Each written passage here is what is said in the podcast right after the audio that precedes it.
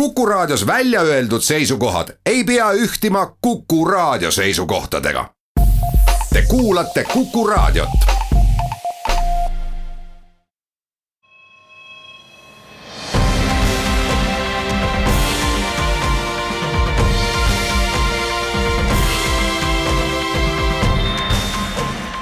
Buum. saadet toetavad Swedbank ja EBS, nähes ja luues võimalusi. tere päevast, on teine jaanuar kaks tuhat üheksateist. head uut aastat kõigile Buumi kuulajatele, oleme eetris aasta esimese saatega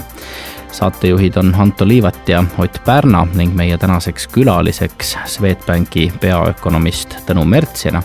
aasta esimese saate teeme mõnevõrra teistsuguses formaadis ning äh, vaatame, mida uuelt majandusaastalt oodata võiks räägime maailmamajanduse väljavaadetest, arutleme selle üle, kuivõrd tõenäoline on see, et majanduskriis jõuab kätte juba käesoleval aastal. Vahetame mõtteid Ameerika Ühendriikide, Hiina vastasseisu, samuti WTO reformimise ja võimaliku Brexiti teemadel ning räägime ka sellest, millistel ettevõtetel ja põnevatel ettevõtlusarengutel võiks saabunud aastal silma peal hoida. aga nii nagu lubatud sai, räägime kõigepealt maailmamajanduse väljavaadetest rahvusvaheline valuutafond on ennustanud, et maailma majandus tervikuna võiks käesoleval aastal kasvada kolm koma seitse protsenti. huvitaval kombel on see täpselt samasugune number, kui nad prognoosisid möödunud aastaks ja ka täpselt samasugune number, kui prognoosis IMF kahe tuhande seitsmeteistkümnendaks aastaks. kolme koma seitsme protsendine maailma majanduse kasv on ju tegelikult ilmselgelt positiivne väljavaade. Tõnu, kas ja kuivõrd selle numbri taga peaks äh, nägema mitmeid võimalikke ohukohti, olgu see siis äh, Ühendriikide majanduse liig kiire äh, kasv või vastupidi, hoopis selline aeglustumine, juhul kui äh, intressimäärasid peaks keskpank tõusma, samuti tõesti me teame mitmeid äh, pingekoldeid, olgu see siis Ühendriikide, Hiina vaheline konflikt, me teame, et riigid üha rohkem kipuvad äh, vabakaubandust piirama, samuti on maailmas mitmeid äh, militaarkonflikti koldeid, äh, mis kõik on rohkem-vähem siiski plahvatusohtlikud. maailma majanduskasv tegelikult äh, jah, nagu sa ütlesid juba, peaks püsima järgmisel aastal ka võrdlemisi tugev. meie prognoosi kohaselt ta küll kergelt aeglustub, kuid üldiselt võiks öelda, et selline põhitsenaarium peaks olema selline, et maailmamajandus on ikkagi suhteliselt tugev, samas on äh, see kasvu tugevus piirkonniti ikkagi väga erinev. USA majanduskasv küll veidi aeglustub, kui näiteks sellel aastal peaks tulema kuskile sinna veidi alla kolme protsendi, kaks koma üheksa siis järgmisel aastal meie hinnangul kaks koma kuus, mis iseenesest on ka ju veel väga tugev, aga ta on ikka kergelt aeglustuv. Euroopa majandus, euroala majandus iseenesest äh, äh kasvab äh,, ta on võrreldes eelmise aastaga juba sellel aastal aeglustunud, aga seal taga on ka üsna palju selliseid äh, ühekordseid äh, tegureid, näiteks ütleme, kas või ühena välja tuua Saksamaa autotööstuse probleemid, ähm, just regulatsioonide, äh, regulatsioonide mõju. Äh, järgmiseks aastaks, kui me vaatame Eesti peamisi kaubanduspartnereid, kümmet suuremat kaubanduspartnerit, on üldiselt näha, et see välisnõudlus nõrgeneb ja kui vaadata ka tegelikult äh, maailma kaubandusmahu kasvu, mis minu meelest üsnagi hästi näitab ära ka kogu majanduse, maailmamajanduse tervise, siis see maailma kaubandusmahu kasv on on juba päris pikka aega tagasi tipust läbi käinud ja on kergelt aeglustuv no mul on tunne, et see suur küsimus raadiokuulajal on see, et kas siis kriis tuleb või ei tule kaks tuhat üheksateist et äh, ma võib-olla ise tõlgendaksin seda selliselt, see on natuke nagu sportlasega, et kui sul on kaksteist kuud kalendris, eks ole, sa ei saa olla kogu aeg tippvormis. Sa ajastad oma vormikõvera, sa saavutad oma selle kõrge taseme ja siis on sul võimalus üle treenida, millele järgneb krahh, et sul ongi nii-öelda majanduskriis järgmine või sportlik kriis järgmine aasta, aga võib-olla ka lihtsalt sellised vahekuud, kus sa võtadki kergemalt, ennem kui alustad uut treeningtsüklit ja majandus on täpselt samamoodi tsükliline. nüüd on küsimus selles jah, et, et kas me oleme üle treeninud, noh turgusid vaadata, hinnatasemed võiks öelda, et me oleme üle treeninud, aga võib-olla mis on oht, on pigem see, et, et kui varasemad kriisid on olnud noh, kas nad otseselt majandusest seotud, on seotud olnud riikide rahandusest või ülelaenamistest, eks, siis seekordses või järgmises kriisis ilmselt või, või tõenäosus, kas ta tuleb või mitte, on eh, see temaatika, mille tõttu ta võib tulla, on laiem geopoliitilised konfliktid, kaubandussõjad, rääkisime, igasugused lokaalsed revolutsioonid me ei tea, kui käest ära võib Euroopas minna see asi, mis Prantsusmaal praegu käib koos nende kollaste vestidega. on ta siis väljapoolt manipuleeritud või mitte, nende sisepoliitiliste kriiside võib-olla hea külg on see, et ega täpselt pole aru saada, kelle nimel või mille vastu võideldakse. Ehk siis, et noh, USA-s on ka mitu sellist ol-, olnud, et kui rahvas tuleb tegelikult tänavatele, aga päris selged ei ole nõudmised, mis siis ikkagi tuleb nagu saavutada, et jah, me ma ei tea, võitleme globaalsete kapitalistide vastu, okei okay,, aga mis on siis see konkreetne nõudmine, kas paneme siis kinni või, või mis, või siis kaotame ära töökohad, et see tava, need lokaalsed kriisid lõp-, lõpetab ära just nimelt on see, et, et ei ole võimalik defineerida, mille nimel ikkagi lõpuni võideldakse. Jah, et äh, kuigi majanduse ütleme, lähiaja väljavaade iseenesest äh, ütleme, põhitsenaariumi järgi ei ole midagi väga, väga niisugust äh, äh, midagi väga halba, samas jällegi on on riske, mis võivad selle, selle majanduse niisugust rööbastelt välja lüüa, on, on väga palju. on riske, mis on äh, kuhjunud juba siin äh, varasema ajaga ja on ka riske, mis võivad tegelikult äh, kahe tuhande üheksateistkümnendal aastal äh, eskaleeruda, ma pean siin silmas USA-Hiina vastasseisu, Brexiti teemat, samuti ka näiteks seda,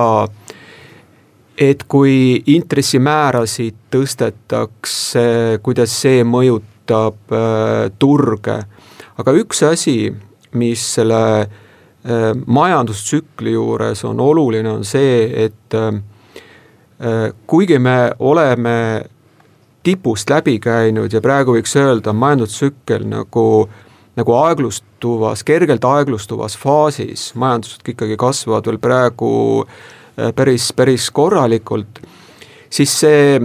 majandustsükkel ei pea iseenesest äh, lõppema kriisiga. ta ei pea viima tugevasse majanduslangusesse, nagu meil oli kaks tuhat kaheksa, kaks tuhat üheksa.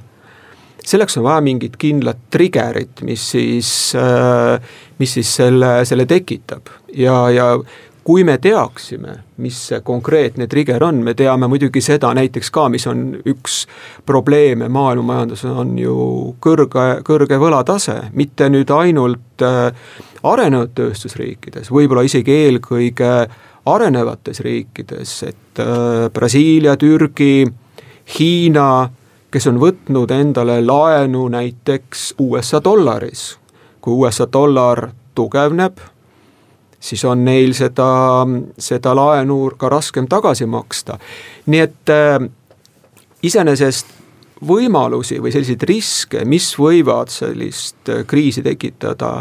on, aga kui me teaksime, mis see oleks, siis no, me saaksime sel-, sellega tegeleda. no me saame järgmises plokis rääkida, aga noh, põhimõtteliselt kui me Euroopasse tuleme, et siis Eurotsooni näiteks vaatame, et küsimus, et et see eelmine kriis, mis meil oli siin, ütleme, Kreeka ja, ja teemad, eks, et kas Kreeka ja näiteks Itaalia konkurentsivõime on nüüd viimase kümne aastaga paranenud või mitte ma pigem väidaks, et ei ole, on ju. et küsimus ongi selles, et tegelikult need fundamentaalprobleemid, et konkurentsivõime on hästi erinev Eurotsoonid sees, on jätkunud. jah, ütleme raha hind on odav, jah, raha on juurde trükitud, eks, jah, osad laenud on andeks antud nii-öelda, aga see elustiil on ikka nagu sarnane või. et, et seetõttu nagu noh, me, me räägime nagu ka, natuke kaardimajast, et me ei tea nüüd, milline kaart kust ära tõmmatakse, aga kõik muud argumendid soodustavad seda, et kui laks käib, siis ikkagi midagi noh, siis ikka kukutakse. no sellest on ju räägitud äh, üsna palju, et praegune majandustsükkel alates siis kahe tuhande üheksanda aasta põhjast on kõige pikem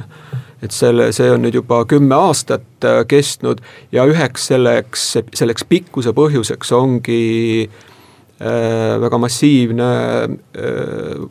massiivsed varaostuprogrammid, mis on siis majandust äh, üleval hoidnud üsna paljuski. ja mis nüüd nagu saama hakkab äh, sellega, kui seda, need varaostuprogrammid äh, ära lõpetatakse üha rohkemates riikides, siis, siis see mõjutab majandust kindlasti. kuulame vahepeal ära kaubanduslikud teadaanded ning seejärel jätkame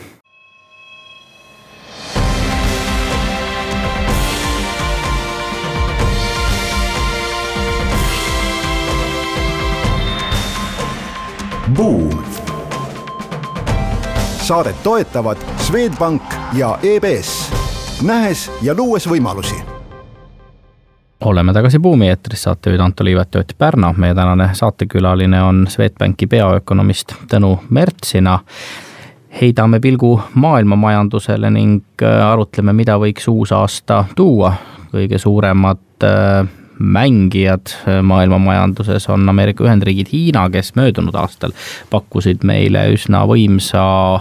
kaubandus- ja poliitilise lahingu, räägiti erinevatest arengutest äh, palju. Tõnu, kuidas tundub, kas kaks tuhat üheksateist äh, tuleb sarnane terav äh, mõttevahetus ja vastastikuste sanktsioonide kehtestamine või pigem annavad ameeriklased äh, hiinlaste kursile järele, noh pigem siin äh, möödunud aasta lõpus andsid ikkagi hiinlased mõista, et nad on kõigiti huvitatud selleks, et pöörduda vähemasti tagasi sinna, kust lahingut alustati. USA ja Hiina vastasseisu vastasseisul on tegelikult väga palju erinevaid äh, põhjuseid. Ja üks võib-olla kõige selline äh, selgem on see, et äh, kuna Hiina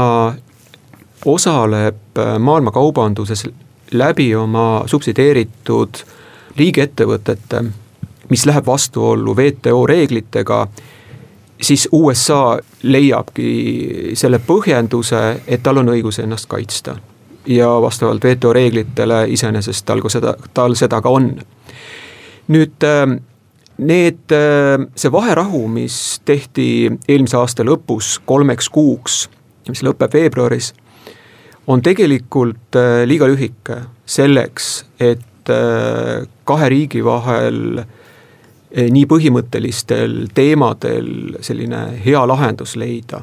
eks näeb, milline see, see tulemus on aga siia juurde tuleks lisada ka veel kaks teemat Hiina poolt, mis ameeriklastele ei meeldi. üks on äh, siididee teema, millega Hiina äh, tahab oma mõjuvõimu mitte ainult Aasias, tegelikult ka Euroopas, Aafrikas ka Okeaanias suurendada ja sellega tegelikult ka tõrjuda eemale või kaugemale USA mõju. teine teema, mis on äh, ilmselt veelgi raskem Ühendriikidele seedida, on Made in China kaks tuhat kakskümmend viis. ehk siis äh, Hiina on valinud üsna suure osakaaluga oma majandusest tegevusalad millest ta pea, mida ta toetab ja millest ta, millest ta soovib jõuda järele arenenud tööstusriikidele, sealhulgas ka äh, Ühendriikidele, teatavasti USA, äh, teatavasti Hiina on juba praegu tehnoloogias juba üsna tugev, ta ei ole ammu enam mingisugune sabassörkija. ja see Ühendriikidele ei meeldi, ameeriklased on äh, süüdistanud Hiinat teatavasti selles, et Hiina on äh, nendelt äh, intellektuaalomandit varastanud ja, ja see on ka tegelikult olnud maailmakaubanduses väga ebaõiglane ja see on ka Ühendriikide jaoks väga, väga suure kuluga. nii et sellised teemad kahe riigi vahel läbi seedida on minu meelest väga raske, et sellepärast et kuidas Hiina neid teemasid lahendab, mis Ühendriikidele ei meeldi, need on, need on sellised, mis tegelikult on üsna omased äh, Hiina, Hiina selline majandus, majanduspoliitikale no lisaks veel tehnoloogiaettevõtted, keda püütakse hoida Ühendriikide turult äh, eemal, möödunud aastast äh, mäletame siis Huawei ühe tippjuhi kinnipidamist Kanadas, mille kohta Ameerika Ühendriigid ka väga selgeid poliitilisi sõnumeid andsid. Huawei on üks maailma kõige suuremaid tehnoloogiainvestoreid, äh, lubades panustada käesoleval aastal viisteist kuni kakskümmend miljardit dollarit 5G tehnoloogia arendamisse. Need numbrid on samas suurusjärgus äh, siin äh, Amazoni või, või Alphabetiga. Ähm, loomulikult paneb see Ühendriike muretsema ja tekitab küsimusi, et kui palju olulist teavet tegelikult kokku kogutakse ja kuidas seda kasutatakse jah, ja kui peaks äh, see vastasseis kahe suure, suure riigi vahel eskaleeruma, siis sellel iseenesest võib olla majandusele, äh, maailma majandusele väga ettearvamatud mõjud. et ma toon mõned äh, numbrid, näiteks USA ja Hiina kaubandus kogu maailmas on kokku enam kui viiendik, üle kahekümne protsendi aga samas jällegi, kui vaadata eh, praeguste tariifide mõju eh, USA-le või Hiinale, siis Hiina jaoks on see mõju suurem. seepärast, et Hiinas on ekspordi osakaal kuskil seal kakskümmend protsenti eh, SKP-st, USA-s on kaksteist protsenti ja, ja ja need tariifid, mis on praegu kehtestatud USA vastu ütleme Hiina poolt. Need mõjutavad ainult seal seitset protsenti äh, USA ekspordist, nii et äh, iseenesest äh, ma ei tahaks öelda, et see, see mõju ei ole, et see mõju on olematu, see mõju on kindlasti olemas. aga, aga lihtsalt praegu on see, see konflikt ikkagi niivõrd värske, et, et praegu on ka vara veel hinnata, milline see mõju saaks olema Põhja-Ameerika või siis Ameerika Ühendriikide ja Hiina kaubandusdebatt meenutab mulle väga sellist, ütleme, keskealiste peretüli, eks, et kus on nagu jupp aega koos elatud, eks omavahel ollakse sõltuvuses ja arutletakse, et kas iseloomud sobivad või ei sobi, et et, et Hiina ja Ameerika Ühendriikide kaubavahetus on ta üldse kahe maailma suurima ploki vaheline kaubavahetus, eks,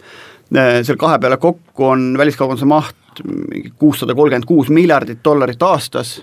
kaks tuhat seitseteist aastat näitajad, et see on küm-, peaaegu kümme korda suurem kui näiteks India-Hiina vaheline kaubandus. see on tohutu suur, äh, ütleme kaks kolmandikku on sellest ameeriklaste import Hiinast ja üks kolmandik vastupidi, ameeriklased müüvad siis midagi Hiina,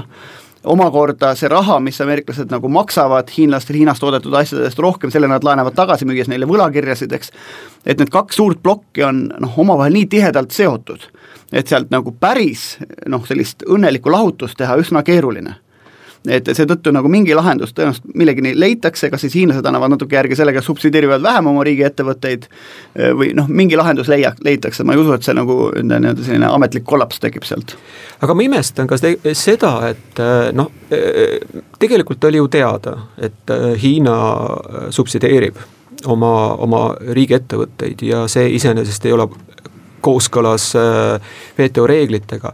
aga ma imestan seda, et et äh, sellele ei pööratud tugevamini varem tähelepanu, et äh, Trumpi süüdistatakse selles, et ta on maailma kaubanduses nii-öelda korraga, ütleme nagu sellise segaduse praegu tekitanud. Äh, aga samas jällegi ähm, ma arvan seda, et varem või hiljem oleks see teema üles võetud no Trumpi kohta öeldakse ka seda, et ta on toonud selle, mis vanasti oli tagatoa jutt, nüüd toonud eestoa juttu ja nüüd me lihtsalt kõik lehest loeme igapäevast seda vestlust, mis tõenäoliselt kuskil diplomaatilistes kanalites ja kuskil, ma ei tea, Föderaalreservis ja igal pool mujal on tegelikult telgi taga niikuinii olnud. kuningas on alasti. kuulame vahepeal ära päevauudised ning seejärel jätkame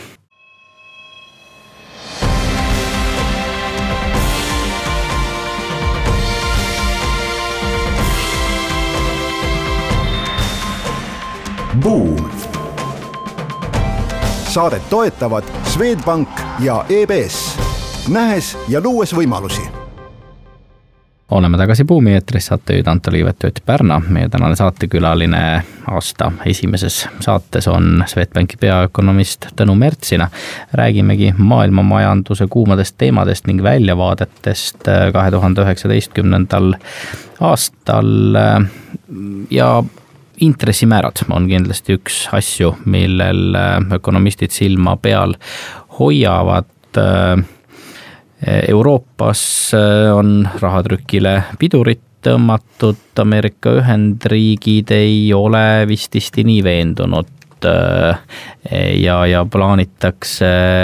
noh, vähemalt korra, aga,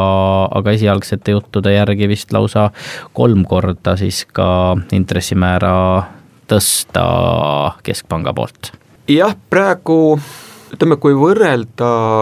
USA-d ja euroala, siis äh, Föderaalreserv hakkas intressimäärasid tõstma juba kahe tuhande viieteistkümnenda aasta lõpus. nii et äh, seda intressimäärasid on tõstetud, äh, tõstetud juba, juba, juba päris pikka aega, samas Euroopa Keskpank ootab ja meie hinnangul tõesti esimene tõstmine nüüd seal baasintressimäärade või refinantseerimismäära tõstmine peaks toimuma alles järgmise aasta lõpus. aga mitte nüüd see keskpanga intressimäärade tõstmine ei ole ainukene oluline asi, vaid oluline on ka ju see, kuidas reageerivad turuintressimäärad sellele, ehk siis meie, meie puhul siis Euribor sellepärast et äh, iseenesest Euribor ja keskpanga intressimäär liiguvad äh, võrdlemisi sünkroonis, aga nad ei ole, nad ei ole üks-ühele äh,. Euribor on praegu tõusma hakanud äh,, küll tegelikult äh, noh, vähe kui vaadata niisugust mitme aasta pikkust kõverat, siis ei olegi seda tõusu praktiliselt näha. Aga kui vaadata äh, selle aasta kõverat või, või kahe viimase aasta kõverat, siis on äh, selgelt näha, et äh, siin mõni, ütleme paar kuud tagasi, paar-kolm kuud tagasi hakkas kuuekuuline Euribor kergelt tõusma. Aga meie hinnangul iseenesest Euroopa Keskpanga intressimäära tõstmine, vähemalt praeguse stsenaariumi järgi, hakkab olema suhteliselt äh, ettevaatlik. järgmise aasta lõpus või tähendab selle aasta lõpus null koma kakskümmend viis protsendipunkti ja, ja siis niimoodi tegelikult äh, suhteliselt ettevaatlikult edasi ja see tegelikult hoiab turuintressimäärad ka suhteliselt äh, madalad ja, ja selle tõttu võiks ka iseenesest öelda, et näiteks mõju eluasemelaenudele ei ole väga, väga selline järsk möödunud aasta lõpus lõpetasid siis Ühendkuningriigid Euroopa Liit Brexiti läbirääkimised. kui kõik läheb plaanipäraselt, siis peaksid Ühendkuningriigid Euroopa Liidust lahkuma kahekümne üheksandal märtsil. samas ei saa selles täna veel lõpuni kindel olla on mitmeid ähm, etappe, mis tegelikult võimaldavad veel ka brittidel äh, Euroopa Liidust lahkumise tagasi pöörata. ja üha rohkem võtab Brexit seda nägu, et äh, Suurbritannia lahkub äh, ilma kokkuleppeta. see on veel praegu lahtine, kuna kuna parlamendi hääletus toimub nädalal, mis algab neliteist jaanuar, aga see oht võib olla ja Suurbritannias teatavasti tehakse ka juba ettevalmistusi selleks võimaluseks, kui see leppeta lahkumine peaks toimuma. leppeta lahkumine ehk siis see, et Suurbritannia lahkub Euroopa Liidust äh, kolmanda riigina, kellel ei ole tegelikult mingeid äh, mingeid kaubandusleppeid ja ta peaks siis tegutsema hakkama WTO reeglite järgi, mis tähendab oluliselt kõrgemaid äh, tollitariife. Ja no see ei puuduta ainult kaubandust, et me räägime ikkagi sellisest kokku kasvanud siiamäe kaksikute lahutamisest, mille ta lahku opereerimine võib noh, embale-kummale, pigem siis väiksemale partnerile suhteliselt noh, ütleme kaoseliselt mõjuda. aga mis on võib-olla siin taustal huvitav, et David Cameron, kes kaks tuhat kümme tuli oma siis Peak Society manifestoga ja oli selline valguselubaja brittidele, eks, et on osutunud nagu selliseks kärukeerajaks, et, et kui kunagi viiekümne aasta pärast keegi ütleb, et mu vanaisa oli, oli nagu Cameron, on umbes sama, nagu ta täna ütleks, et see oli Mussolini või keegi, eks. et, et, et selles mõttes jah, et kuidas sellest valgusetoojast on muutunud tegelikult ikkagi selle intelligentsi lähenemist pidi vähemasti selline noh, karuteene tegija riigile eks, kes pani tegelikult omaenda nagu sisepoliitilistel eesmärkidel kaalukausile asja, kus ta arvas võitjana välja tulevat, aga, aga see pokkerimäng ei läinud tal hästi. ja nüüd tegelikult eh, noh, kõik seda suppi nagu söövad, eks. ja, ja kõige hullem on see, sa ei saa uuesti ka rahva käest minna küsima, et, et siis nagu eh, noh, ütleme, kardetakse, et ei on veel suurem ja mitte seetõttu, et inimesed tahaksid Brüsselist välja minna, vaid pigem ebausaldusväärsuse tõttu nagu valitsejate poole. tegelikult seda segadust on ju meeletult palju olnud ja, ja väga pikka aega olnud, et äh, see mõjutab äh, ettevõtjaid, see mõjutab äh, investoreid, muidugi Suurbritannia majandusel ei ole nii halvasti läinud, kui prognoositi kohe vahetult peale referendumit. Aga kõik sõltub ikkagi, kõik sõltub jah sellest, milline saab olema Suur Britannia lahkumine Euroopa Liidust ja ja kui peaks tulema lepeta lahkumine, siis äh, ma, ma arvan, olukord läheb oluliselt halvemaks. no põhimõtteliselt on tegelikult Suurbritannial kolm varianti, valge variant oli see, et nad jäävad Euroopa Liidu liikmeks, eks, hall variant on see, et nad põhimõtteliselt kaubandus, jäävad siseturule Ehm, samasugused igast keskkonnastandardid, asjad on üle, institutsioonid on üle Euroopa, kehtivad nii Euroopas kui Britannias, ja see must stsenaarium on siis see, et kui nad peavad kõike hakkama uuesti leiutama siis seal ja olla, olles kaubandusplokist väljapool. et see, miks see tänane mõju ei ole nii suur veel olnud, on reaalsed Briti ettevõtted või ettevõtted, kes töötavad Euroopas läbi Britannia, no Brexit ei ole veel kehtestanud, vaba turg on Euroopas, kõik nad saavad jätkuvalt toimida. nüüd, kui enam ei saa, noh koondamislaine kindlalt tuleb no ei tea ja no. vaevalt, et seda päevapealt niimoodi lastakse minna, küllap siis hakatakse pidama läbirääkimisi ja venitatakse seda protsessi halvemal juhul nii kaua, et keegi enam ei mäletagi, ähm, milles asi täpselt on. aga samas ma arvan, et peaks, peaks ka kindlasti sellest rääkima, et see äh, on ikkagi ajutine muidugi sõltub sellest, kui kiiresti äh, suudetakse äh, siis, kui toimub leppede lahkumine, uued lepingud teha või, või see selline mingisugune uus kord luua, see ei tähenda nüüd seda, et, et see, see olukord kui peaks tulema tõesti lepete lahkumine, ongi mingisugune määramatus ja kus mingi lõputu õudus. et tegelikult äh, see võtab aega äh, ja see peaks, äh, peaks taanduma. samas jällegi noh, kui vaadata siin nüüd viimaseid prognoose, siis lepete lahkumine, lepete lahkumise kohta on tehtud prognoose selliseid, kus isegi siin kümne aasta perspektiivis Suurbritannia, Suur, Suurbritannia majandus on mad-, äh, väiksem, kui ta praegu on. noh, seda on muidugi väga raske, väga raske äh, kinnitada, sellepärast et nii äh, Inglise panga kui ka, kui ka Suurbritannia rahandusministeeriumi prognoosid vahetult pärast referendumit olid väga valed. kuulame nüüd ära kaubanduslikud teadaanded ning seejärel jätkame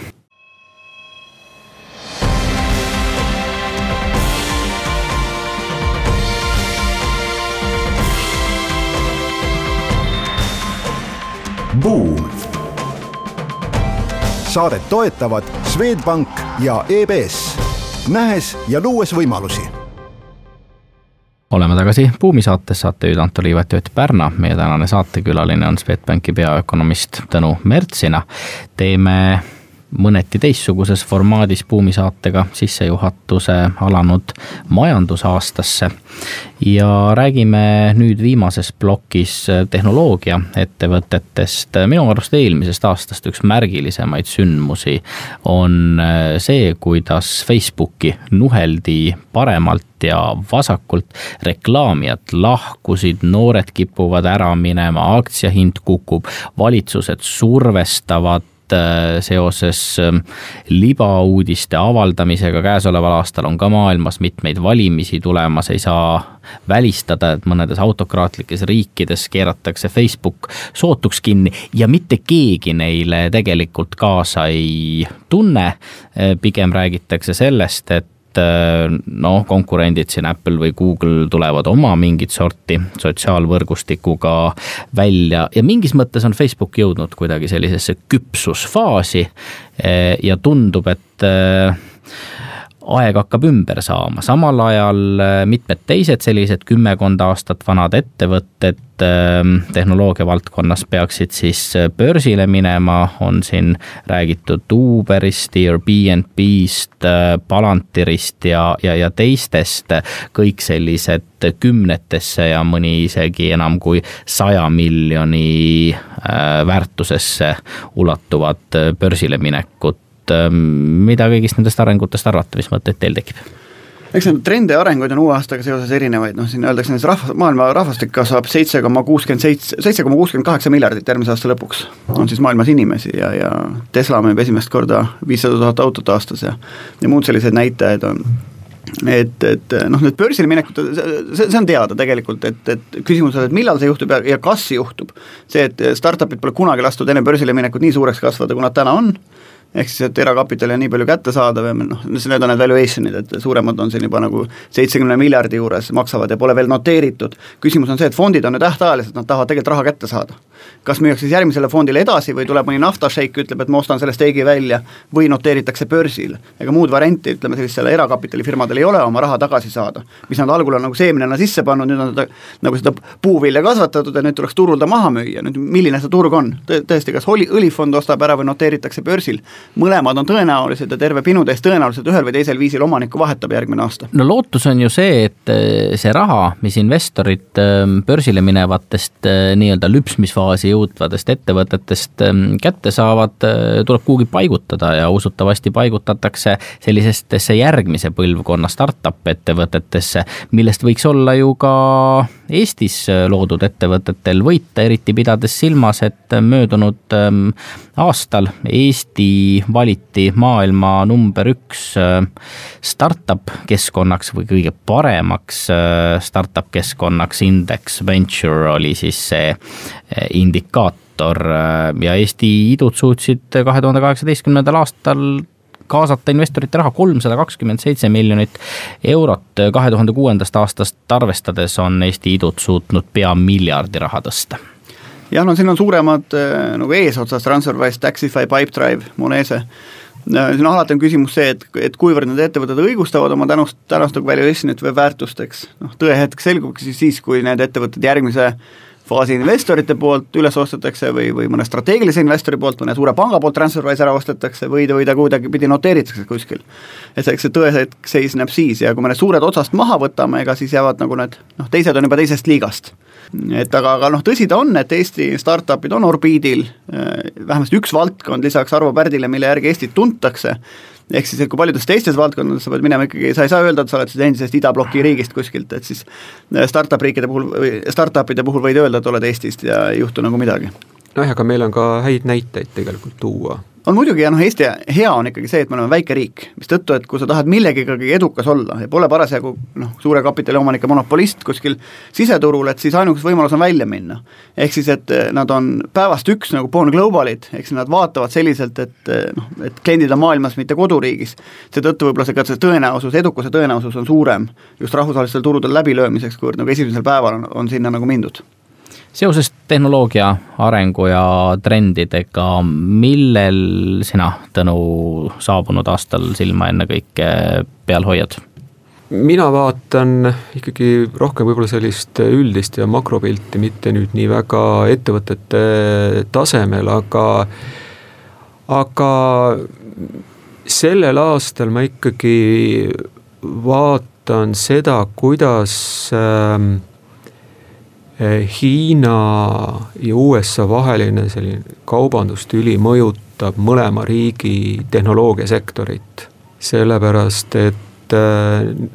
selle, selle sektori ümber käib väga palju sellest konfliktist tegelikult või see, see mõjut-, see, see mõjutab seda sektorit üsna palju. et ja, ja, ja teisest küljest Hiina, Hiina on selles mõttes ju huvitav, et ähm, kuigi viimastel aastatel on tasapisi osasid ettevõteteid too-, ettevõtteid toodud Hiinast tagasi arenenud tööstusriikidesse, siis Hiinas iseenesest on äh, tarneahelad äh, välja arenenud suhteliselt hästi. ja, ja see puudutab ka tehnoloogiasektorit, mis tegelikult tähendaks ka seda, et kui, äh, kui arenenud tööstusriigid tahaksid oma, oma tootmist Hiinast äh, ära tuua, näiteks. siis äh, selle tarneahela ülesehitamine võtaks natukene jälle aega selles äh, uues asukohas, on see siis nüüd Euroopa või või, või, või Ühendriigid, mis noh, iseenesest ei ole üldse, üldse võimatu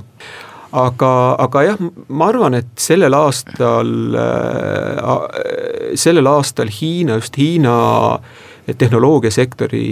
juures on, on toimunud selliseid huvitavaid,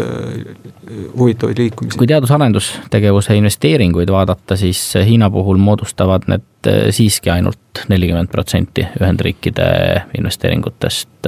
Hiinal on iseenesest veel pikk tee minna, noh vaatamata sellele, et noh, siin on suurepäraseid näiteid sellest, kuidas Alibaba on näiteks maailma number üks tehisintellekti investor aga summa summarum suuri numbreid absoluutnumbritena võrreldes on Hiinal veel tükk maad minna. seda küll jah, ja noh, muidugi USA on, on oluliselt pikem ajalugu ka teadus-arendustegevuses, et seda, ma arvan, me peaksime ka seda, seda, seda meeles pidama. kuigi tegelikult Hiina investeerib äh, oma tehnoloogiasektorisse just sellised ettevõtted, keda me teame meeletuid summasid. Ja selle just äh, mitte nüüd ainult tehnoloogiasektorisse, vaid paneme siia kõrvale lennunduse, äh, lennunduse, energeetikasektori, siis ähm, sellistesse valitud äh, tegevusaladesse või sektoritesse Hiina investeerib väga palju ongi aeg tänaseks otsad kokku sõlmida. aitäh, Tõnu, meile taas kord saatekülaliseks tulemast. meie soovime Otiga kõigile oma kuulajatele head alanud kahe tuhande üheksateistkümnendat aastat ning äh, oleme eetris juba täpselt nädala pärast, siis on meie külaliseks äh, Cleveroni juht ja looja Arno Kütt, räägime jaekaubanduse tulevikust ning väljavaadetest. seniks aga kuulmiseni